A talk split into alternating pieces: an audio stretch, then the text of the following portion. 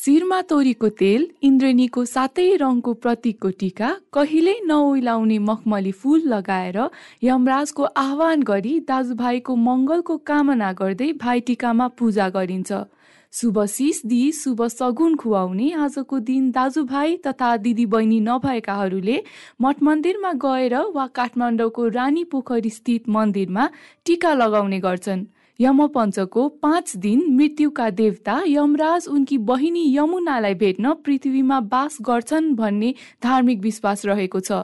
तिहारको पाँचौँ दिन अर्थात् कार्तिक शुक्लको द्वितीयमा यमुनाले दाजु यमराजलाई पूजा गरेको शास्त्रीय मान्यता छ।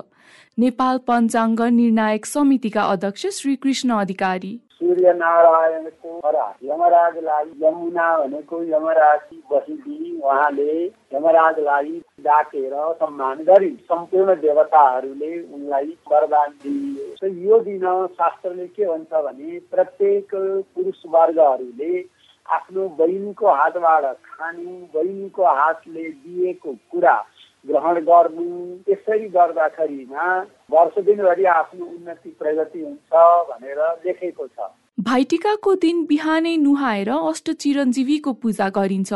भाइटिकाको साइतमा सप्तरङ्गी टिका फुल अक्षता र लाभाले पूजा गरी दाजुभाइलाई सगुन दिइन्छ। दाजुभाइ प्रतीकको सद्भाव रङ जस्तै गाढा तथा निरोगी भइरहने विश्वास गरिन्छ।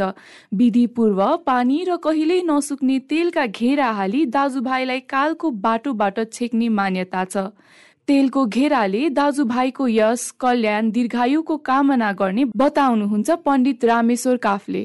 भाइहरूलाई नराम्रा यमराज राक्षसहरूले चाहिँ आफ्नो दाजुलाई केहीले नछोस् भन्छ भन्नलाई ओखर फुटाइन्छ त्यहाँबाट भित्र लगेर पहिला पानीले छेकिन्छ अनि तेलले छेकिन्छ अनि फुलले सबै पूजा गरिन्छ अनि टिका लगाइन्छ अष्ट कहिले नमरुन् मेरा दाजुभाइ सधैँ रहन् भनेर तेलको घेरा गर्ने चलन छ। लामो समयदेखि भेट नभएका दाजुभाइ तथा दिदीबहिनीसँग भेटघाट हुने सम्बन्धमा आएको चिसोपन हटाई मिलन गराउने तथा सम्बन्धलाई थप प्रगाढ बनाउने माध्यमको रूपमा भाइटिका लिने गरिन्छ।